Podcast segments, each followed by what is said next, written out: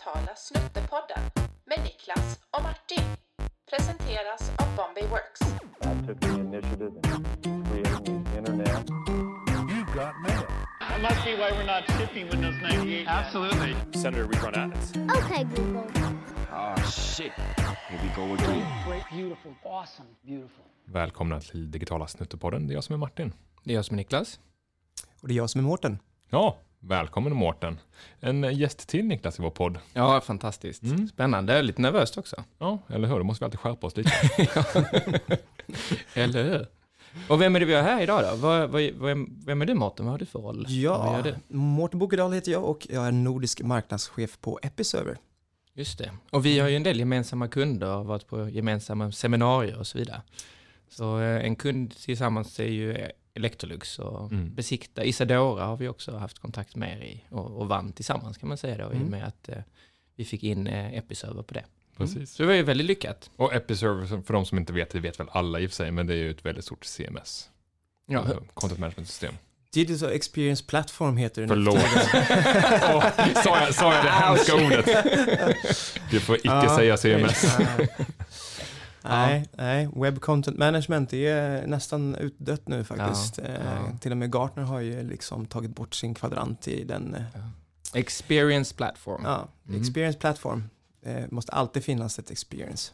Mm. För tittar man bak lite så har du jobbat med också annan experience platform innan, kan det stämma eller? Jag har jobbat mycket med experience platform i alla dess olika former. Nej, men absolut. Eh, man kan väl säga egentligen att eh, självklart i takt med att utvecklingen gått framåt så har väl eh, kunder eh, haft ett behov av att göra mer än att lägga upp statiskt innehåll. Ja. Eh, oavsett om det är faktiskt en podd eller om det är text eller bild. Om man snarare behöver liksom kunna använda data för att känna igen då, sina Mm. målgrupper och serva dem med bättre, mer relevant och individanpassat innehåll. Mm. Så det är väl så egentligen de här Digital Experience Platform har kommit fram. Mm. Det handlar om att någonstans ta nästa steg då i det här statiska bemötandet. Just det, för idag så tänkte vi vi skulle prata om eh, just, Personifiering kallar jag det för. ja, personifiering. Ja, och det som jag kallar för personalisering. Ja, ja. vad, vad är skillnaden? Det är absolut ingen skillnad alls. Jag Nej. tror faktiskt att den mer korrekta eh, översättningen från engelskans personalization som du kommer Aha, ifrån det är det ja. ja, Just det. är ju nog eh, personifiering. Eh, personalisering kan faktiskt ibland, det är en medicinskt uttryck också, så att, så att någonstans är personifiering mer All korrekt. right. Men, men jag tror väldigt många har anammat det, det är liksom personalisering från personalization Ja, och, just och därifrån har vi haft det. Så jag har konsekvent använt det Okej, i 8-10 år nu. så idag pratar vi personalisering. Och det ordet kan jag inte säga, så att vi... Men jag tänkte innan vi gör det så kanske vi bara kan eh, dra några snabba med dig. Är det okej Mårten? Absolut, Ja. det kan vi jag var lite inne på din ehm, karriär och så, vad du gjort tidigare, så då ställer jag min första fråga till dig. Eh, Episerver eller Sitecore? Episode. ja, bra. Det hade ju blivit awkward om du Godkänt. sa Sitecore. Och då kommer nästa här då. Är det Mårten? Eller Mårten. Eh, enligt min mamma är det Morten Mårten! Okej, var kommer man då ifrån? från Borås, Borås, från Göteborg. ja. Mm. Men Mårten, det är inte... Nej, Nej, det är, det är Mårten. Mårten. Mm, Det, kan, det kan jag inte säga. Okej, och då kommer en fråga till här då. Ehm, så här, jag är mer än 40, och, men det är inte du, eller hur? Nej. Fick tänka ett tag där. Eh, Så då frågar jag så, men det är ändå snubblande nära för vissa här i rummet, eller hur? Också. Ja, det är viss herre som är över gränsen också. Ja, jag vet. Så då frågar jag, är det kris eller är det tillförsikt? Nej, det är, det är full fart. Det är full Ja, fart, det är ja, full okej. fart. Ja, det är kul. Ja, det, Kul. exakt. Bra. Ja. Nej, för jag tror att det är prime ahead, eller hur? Det blir Ja, bättre ja. och bättre. Varje år blir bättre och bättre. Och då kommer sista här, snabba. Eh, jag vet inte om du kände det nu på morgonen, men det är väldigt kallt att ta sig till jobbet och cykla. Tyckte jag i alla fall. Så då frågar jag, är det vantar, är det mössa, är det halsduk eller är det ullstrumpor? Eh, mössa. Eh, du ser inte det just nu, men jag har Nej. ganska utstickande öron. De fångar in väldigt mycket kall luft. Okej. Så de blir liksom som så här röda paraboler liksom. Ja, på vintern, måste det. Ja. Mm. Är det någon som har ullstrumpor? Alltså det faktum att jag har det. Och det visste jag, därför var det en ledande fråga. Ja, men jag fryser om fötterna Ja. rätt, eh, rätt snabbt. Så Det är alltså- ullstrumpor hela, det det är ett halvår med ullstrumpor alltså. Det är alltså det som händer efter 40, Mårten. Ja, Ja, Bl- dålig blodcirkulation. Ja. Ja, all right. Men eh, så eh, nog om det då, men eh, kul att du är här. Mm. Eh, och eh, som sagt, prata personalisering. Ja. Och, fi- finns det någon anledning till att ni inte gillar ordet personifiering? Är det någon negativ laddning där? Eller är det bara att det känns inte lika amerikanskt och glättigt? Nej, det är nog faktiskt en personlig, personlig sak bara för mig. Mm. Det är nog det raka, eh, att det alltid har varit det. Så jag tror att eh, när ordet personifiering väl började komma upp i svenskan, för det, det kommer lite senare, just det. så blev det lite så här, men vadå, ska ni ha ett eget uttryck nu som Mm. det kommer fram? Är det som att skriva site med J? Ja, men lite, lite så faktiskt. Det tycker jag är nice i och för sig. Ja. Nej, fick man inte göra. Jag tycker också det är lite nice faktiskt. Bra Mårten, då är vi, Ja, då är vi två mot en. Vad- Men, och eh, vad är då personalisering? Det, är det här ordet kommer jag snubbla på flera Ja, gånger. det jag vet. Eh, vad, hur ser man på det? Vad, vad tänker du kring vad det är? Ja, men vad tycker ni att det är? Det tycker jag är nästan mer intressant, eh, Martin. Så här, hur, Mm. hur ser ni det från ert håll? Jag har ju Ja. jobbat med så länge och därför så tycker jag att så här, Mm. det, det blir lätt så att man... Man kan se det i olika, olika aspekter, olika nivåer, eh, beroende på om man ser det på ren sajtupplevelse eller om man pratar annonser och sånt där. Vi kommer nog prata lite båda delarna, tänker jag. Men eh, om jag ska tänka, om jag tänker personalisering så tänker jag spontant på tillbaks när ICA började att köra personalisering av sina reklamutskick. Jag vet inte om ni minns det här, det här kanske Mm. är tio år tillbaka i tiden nu. De vet ju exakt vad jag handlar för någonting i affären. Och de här reklamutskicken de gjorde som kommer ja, varje vecka med veckans extrapris och så vidare, de var ju generiska. Det var ju extrapris på allt möjligt. Jag fick ju extrapriser på blöjor fast jag var kanske 19 år gammal och var ute och festade mycket. Vad- Hade du köpt blöjor då till Nej, din nej, nej, syster? nej, nej, eller? nej. De var alltså, inte generiska. till din syster, men Nej, din det systers är barn? generiska utskick. Jaha, okej. De gjorde generiska utskick, så de, All right. och det var ju inte särskilt relevant för, för att skicka blö, blöjreklam Nej. till mig. Nej. Så då kom de på att vi kan ju använda den här köpdatan till att Ja, göra visst. personliga utskick. Ja. Så att du som köper mycket Ben Jerrys glass, du får ben, reklam på Ben, Ja. du får rabatt på Ben Jerrys. Så de började med det för 10-12 år sedan tror jag och det blev ganska mycket ramaskri att oj vad ni vet Ja, det mycket om var mig. en debatt faktiskt. Ja. Det var det faktiskt. Det Det, tyckte var folk snack, inte om. Ja. Det kändes som att man klev in i den privata sfären. Det Mm. finns ju ett värre exempel. Ja. Eh, det finns ju det mest klassiska exemplet där en pappa fick reda på att ens dotter var gravid. Eh, på grund av att de har också analyserat eh, då alla de här köpmönstren som hon hade gjort. Jaha. Och då hade man kunnat konstatera att beroende på vad man köper för produkter, till exempel choklad och annat då, Ja. så hade de skickat hem sån här graviditetstest. Typ, eller det minns jag också något om. Vad Ja, hände och sen? det då? blev ett jäkla liv och du vet, han kommer där, varför skickar ni det här till min dotter? Och sen så kom det fram liksom. Så det här är ju, det trodde man var skröna, men vissa saker var sant liksom. Så att, eh, ja. Så det är så här steget längre eh, och det är väl därför också det här ordet kanske personalisering är ganska laddat för många, eh, Mm. känner jag också. Eh, väl, väldigt laddat till och med. Eh, det är nästan så också så att jag har börjat använda nya typer av uttryck. Eh, Ja, okej. Och ty- typ, vad då för uttryck? Hur klär man det i för, för, mig, för, mig, för mig handlar det mer om relevantisering. Ja. Så jag, för mig är personalisering service. Ja. Det handlar om att ta den informationen du har om någon för att skapa en bättre upplevelse Mm. eller liksom en mer relevant upplevelse. Så kanske mindre att, att försöka göra allting personligt Mm. och mer att bara försöka ta bort saker och ting som är irrelevant. Ja. Det är ju det som mycket handlar Det om. tycker jag är Det väldigt bra. Ja. Mm. För det är ju lite som om om man är stammis på en restaurang eller på en bar Ja. eller vad man nu är. Så, så när man kommer in så vet de någonting om en och det kan man tycka är ganska härligt på sitt sätt. Jag tycker det är ett väldigt bra sätt att förklara. Att subtrahera istället för att addera Mm. till en upplevelse. Det gör ju som, alla vi vet ju när man går in på ICA, nu har jag ICA som exempel hela tiden, det är inte meningen. men du har ju så ofantligt mycket val. Alltså innan hade man ju blåvitt pasta eller skulle man köpa ris. Mm. Nu finns det ju typ 18 olika, olika pastasorter och man ska göra massa val. Jag hatar att göra val. Det är jobbigt att göra val. Mm. Och kan du plocka bort irrelevanta val så gör det ju vardagen lättare för konsumenter. Och då Mm. ökar också konverteringsgraden. Så att subtrahera, det är en intressant sätt att sitta på det. Ja, ja, men tänk dig själv om ICA-butiken hade varje gång du gick in blivit liksom lite grann som eh, labyrint, att den bara förändras efter dig. Så Ja. vissa dagar när du bara ska köpa mjölk, Mm. då står mjölken längst fram och så kassan precis bredvid. Så du behöver inte ens gå in hela vägen i butiken. Det är en sån här klassisk att man ligger ju just längst det. in. De drar man ska, in en. man att- drar in en liksom, Mm. och att man bara ska göra det eller någonting annat. Och det är det som jag tycker så här, om man, om man tittar på det så utifrån från den vinkeln så tycker jag att man får en mer rättvis eh, syn på vad, vad jag tycker att det borde vara. Mm. Då hade Eh. Ikea gått i konkurs kan jag säga. Om man inte går Inga Ja. värmeljus den här gången. De har ju genvägen i De har ju genvägarna faktiskt, Ja, det, ja. det får man väl ändå ge dem Ja, liksom. hade man Eh, fattat att det behövs. Ja, det är min... Ja. För när jag läste på lite om det och, och när man tänker på det så var det just att någon sa så att det, men det första du måste tänka på det är att släppa tanken helt och hållet på ett till ett personifiering, skrev Mm. han då. Eh, I stor skala, för det är stört omöjligt, även om man kanske vill. Eh, och det är väl där kanske man snubblar, för att om det ska vara just så här individanpassat och unikt så, så får ju marknadsavdelningen en, en enorm utmaning. Och det är klart att om man då ser det på det sätt som du pratar om, att man istället tar bort val, eh, det gör det ju lite lättare att navigera. Mm. Ja, alltså ja och nej, skulle jag säga.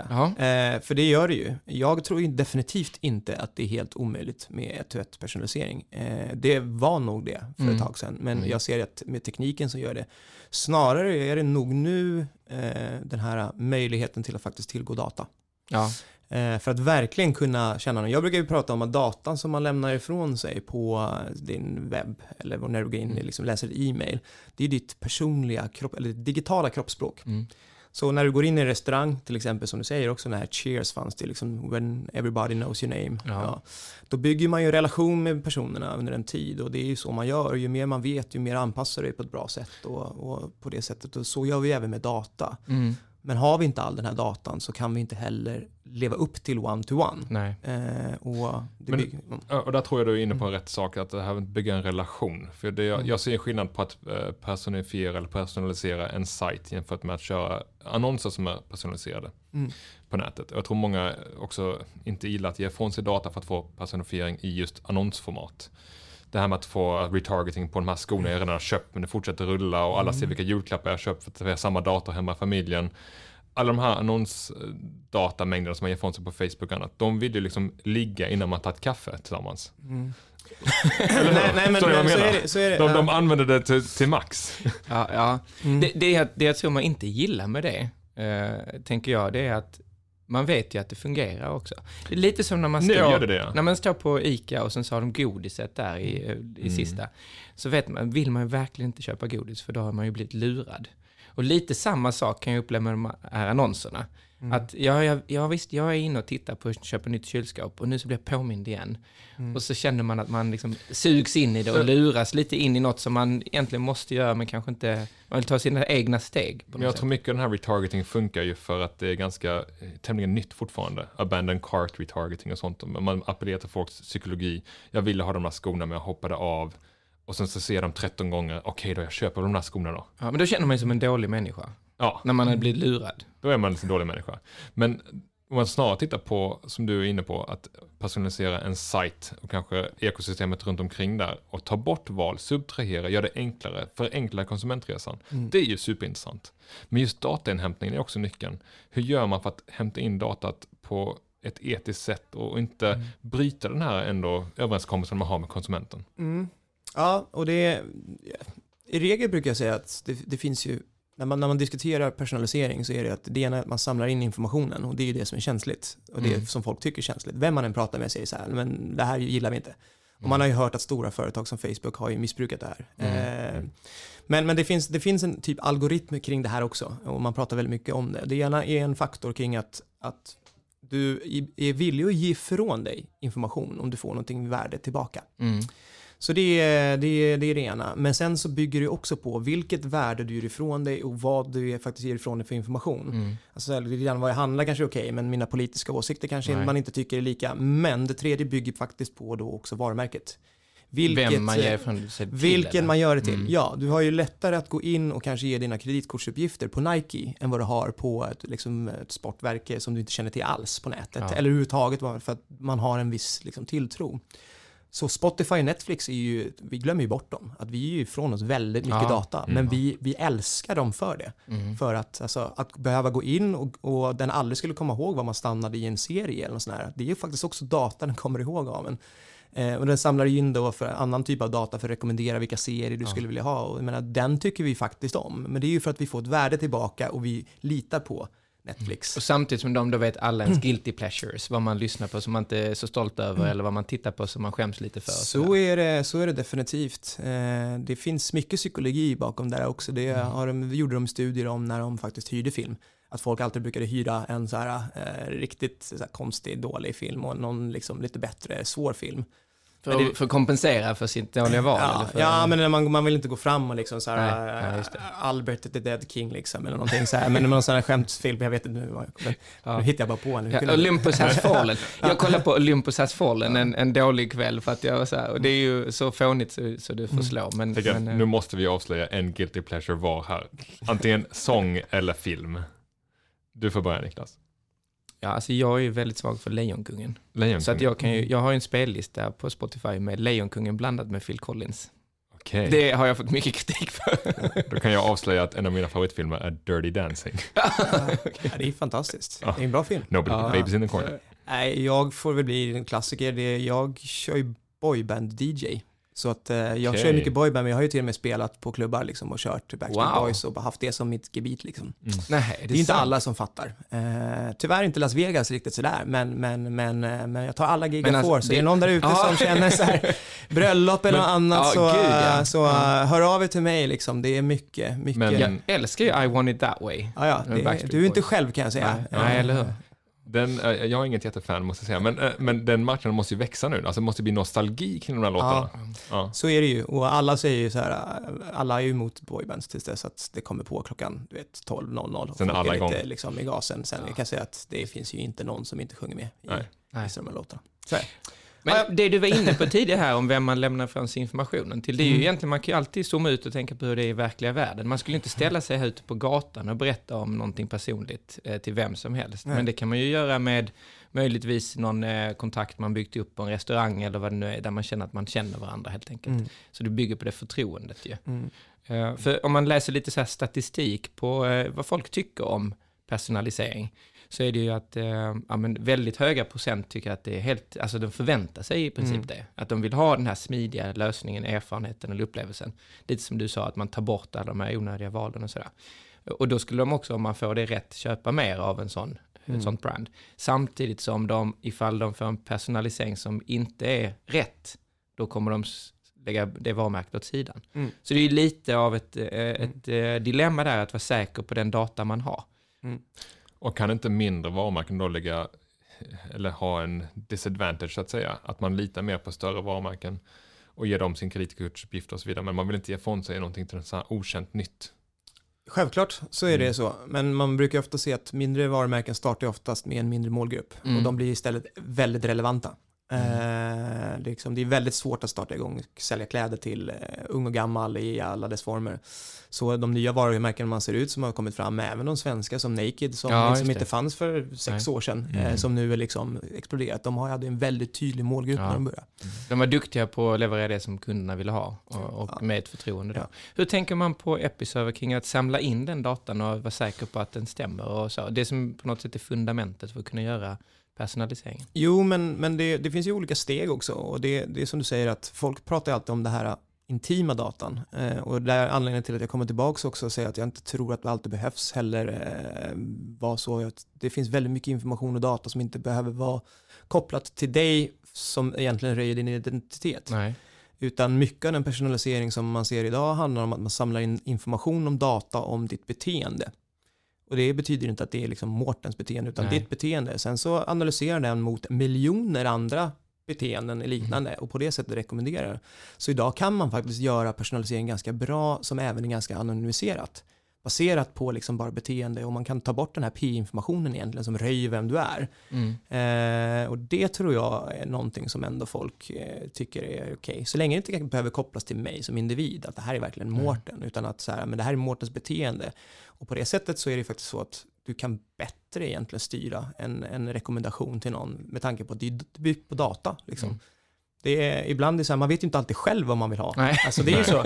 Och, och då kan Den visste faktiskt få fram saker, för annars blir det rätt så att man går på sina gamla vanor och man köper det här och sådär. Men så kan man då se så här, men andra en miljon människor som har klickat, tittat, gjort exakt samma sak Mm. som du under ett års tid har faktiskt också tyckt att det här är bra. Mm. Och då får man ju liksom så här nya polare som är anonyma där ute i världen som hjälper till liksom. Och den, eh, det, det är därför jag tror att, att det blir bättre, men det är tack vare AI-teknologin. Just För det, det, handlar ju också om var man är på något Mm. sätt. Det, det ju, finns ju, Facebook har ju haft mycket problem med, med Mm. vad de har hållit på med och bygga de här åsiktsbubblorna och Mm. så vidare. Eh, Och påverkade ju valet eh, där, som, där vi fortfarande sitter med Trump och vi får se vad som händer nu då. Eh, Men, men det är ju ingen risk att det bil- bildas en åsiktsbubbla för hur du beter dig på Boost till exempel. Jag handlar mina kläder på Boost och då är jag ju väldigt glad i att de hjälper mig att Mm. komma vidare i min köpprocess eller hitta rätt saker när jag kommer in nästa gång och sådär. Mm. Men där behöver jag inte vara orolig för det är inte så mycket Niklas, medan det kanske är det om jag har, har mycket det, poster det, på värsta, Facebook. det värsta som kan hända är att du har samma jeans som alla andra. Vilket är kanske är katastrof. Vilket är det jag vill egentligen. Ja. Jag tänkte på just insamlingen av data. Eh, Jag vet inte om det här är någonting som ni kan jobba på, men hur många cookie accept har ni gett senaste veckan till olika sajter? Alltså jag vet inte hur många Ja, gånger. väldigt många. Alltså herregud vad jag klickar på sådana här saker. Ja, jag tänkte på det själv faktiskt. Jag, alla trodde ju när man skulle göra det att, att så här, men nu, eh, nu dör ju personaliseringen och allt, men jag har nog aldrig klickat nej. Nej. Nej. Förutom att när jag har varit lite irriterad och arg någon gång. Då har jag gjort det Ja, bara för att. Alltså arg på, jag. arg på dem du är inne på? Eller Ja, ja, ja, så här, okej. bara för att säga, nej men nu har ni gjort någonting dåligt. Ja, så här, nej. Nej. Straffa er. inte min cookie. Det här är straffet. Det är slag. Jag har, ju, jag, jag har gjort ett sånt straff, digitalt straff en gång. Det var ju när jag hade, jag ska inte säga vilket, men ett försäkringsbolag nekade min ansökan om, um, om ersättning. Och eh, jag vet ju vad det kostar att ha en Google-annons för ett, eh, annons, för ett försäkringsbolag. De söker försäkring som term och det är jättedyrt. Varje klick kostar flera hundra kronor. Ja. Så jag satt ju en hel timme och bara sökte och klickade på deras annonser för att bränna deras ad-budget. Undrar om det är lagligt eller om man stjäl pengar av någon då. Det är inte olagligt att klicka. Ja. I alla fall, det här med att klicka de här cookie-accepten, alltså den pop-upen, vissa sajter är otroligt stor, störande, det förstör hela min upplevelse av sajten. Ibland glömmer jag att klicka bort den så ligger den kvar och skvalpar och har sig. Och det börjar bli lite galet med alla de här accept jag ska ge överallt och det är ju inte sajternas fel, det är ju oftast EUs fel i termer av vilka reglementen de har. Vi kan gå in på GDPR och hela den biten också, hur mycket det har kostat företagen och samhället, så att Mm. låtsasregler, om man ska kalla dem för. Eh, men går inte det här att centralisera på något sätt? Finns det inte någon data usage norms som vi kan anpassa? Så jag vet att jag kan gå in på en sajt och säga att här, jag loggar in med bank-id, här är alla accept jag givit, godkänn inte. Jag vet att det här finns i Chrome till exempel på cookie-hantering. Men det är inte så enkelt för vanliga användare att gå in där och förstå vad de har gjort eller vad de ska göra. Vilken typ av data har Laila med ifrån mig? Vad kan göras med den datan? Det här måste ju gå liksom att paketera som en tjänst för konsumenter som förstår det här ger mig värde, det här ger mig inget värde. Ja, men sen är det ju också så att det, för olika typer av organisationer, man, brukar inte samla mer data än vad man behöver. Eh, Det är ju en regel egentligen. Är det verkligen så? Eh, Ja, alltså det ska ju vara så. Alltså varför ska du veta någons eh, liksom, sexuella läggning om du säljer möbler till dem? Alltså, det, det kan man Nej, ju tänka igenom, men, men, så här, men, men så man försöker ju, man, och det är därför så här, man behöver inte samla mer information och därför så accepterar jag ju oftast, liksom, man vill ju veta vad är det för information du samlar om mig och vad ska du använda det till? Det är ju det Mm. som är tanken. Men, men det är ju ingen som orkar läsa igenom det där. Eh, Precis. Så då kanske du som du säger att det är så men då är det bättre att vi bara samlar in allt. Mm. Fast å andra sidan, om man gör det, då börjar det ju bli så också att hamnar det här i fel, liksom titta på Kina. Eh, Mm. Där har de liksom en av, övervakningsstat och då använder de ju all den här datan sen också för att tracka dig vad du än gör och det är åsiktsregistrering och det är ju också farligt. För det, det jag jag, tänker- tror är Ja. att, om jag bara får, Ja, min tanke, det jag tror är ju att den här uh, retargeting, alltså själva personali- personaliseringen av annonser, Mm. har en negativ effekt på konsumentens acceptans för att göra sajtupplevelsen enklare. Förstår du vad jag menar? Du menar att de Mm. har gjort det smutsigt att Ja, de- släppa ifrån sig data? Så som de- Facebook kanske har gjort. Precis, de förstör lite grann Mm. det här att de ger personalisering ett dåligt rykte. Mm. Och då kanske man är mindre benägen att klicka ja på en cookie, except som ändå kom, Mm. kommer förmodligen hjälpa din upplevelse ganska Mm. mycket på en sajt. Nej men jag håller med och det är också för att väldigt mycket, så man tänker väldigt mycket reklam. Mm. Det är väldigt många som har förstört. Alltså Mm. det är ju företagen som har förstört det här för, för, för, för konsumenterna. Mm. eftersom de har missbrukat Mm. eh, den här datan. Men grejen är att det här med reklam är så här, vi har alltid skyllt på reklam, vi har alltid hatat reklam. Alltså förutom på bio. På bio tyckte man väldigt så här, Ja, då kunde det. man komma dit lite det. innan, men Ja. alltid varit så. Sen ska jag säga så här, jag tycker ändå egentligen att om, alltså, om informationen i kontext, Mm. för det här är någonting man ska komma ihåg också, det handlar inte bara om retargeting, så här, men du tittade på en soffa, så bara har den här soffan flygandes efter dig i två år. Men om du just nu är faktiskt ute för att titta på möbler till din uteplats Mm. så är du nog ganska intresserad av att få massa förslag på det. Mm. Men så fort du köpt någonting då är du inte intresserad längre. Men, men jag tror att vi tycker om reklam så länge den är i kontext, det vill Mm. säga någonting vi är intresserade av just nu. Mm. Med ett budskap som är just nu. Och då kanske inte jag vill ha en soffa för 600 000 om det är så att jag har en budget för liksom 30. Men, men liksom, det, det behöver vara relevant och vi har inte träffat där ännu riktigt. Nej. och det är Nej. därför vi tycker att det, det är inte bra. Nej, det är inte För det är inte optimerat. bra nog. Nej, för jag, jag köper helt din här subtra subtraheringstanken med att göra upplevelsen bättre på sajten. Den är jag Mm. helt med på. Men jag är Ja, bara det är väl rädd- lite ett så här eh, Ja, aha-ljus jag för gillar det. Ja. Det ska jag sno och ha med mig. Men, men just det här, Future slides. Ja, exakt. Men just den här annonsbiten tror jag har en tendens att Ja. smutsa ner lite ryktet av hur, vilka Nej, men det är inte optimerat. Och just apropå optimerat så nu har ju Episerver precis köpt Optimizely. Mm. Ja. Det är ju spännande. Det är Eh, jättespännande. Nu vet jag inte om alla vet vad Optimize är och sådär. Jag vet en del om det, men Mm. inte lika mycket som andra kollegor. Men för, eh, liksom, de är ju stora på AB-testning och på optimera sajter och, Mm. och så vidare för att göra det så smidigt och bra som möjligt för, eh, för i slutändan konsumenten då. Så eh, nu, vet jag inte, det är så nytt så det kanske inte är så mycket sagt om vad det innebär för Episerver, men är det ett steg också mot en bättre optimerad eh, upplevelse antar jag för, för Episerver-användare? Ja, absolut. Eh, det är helt klart, de är väldigt stora på optimering och experimentering. Ja, alltså precis. experiment. Ja. Och Mm.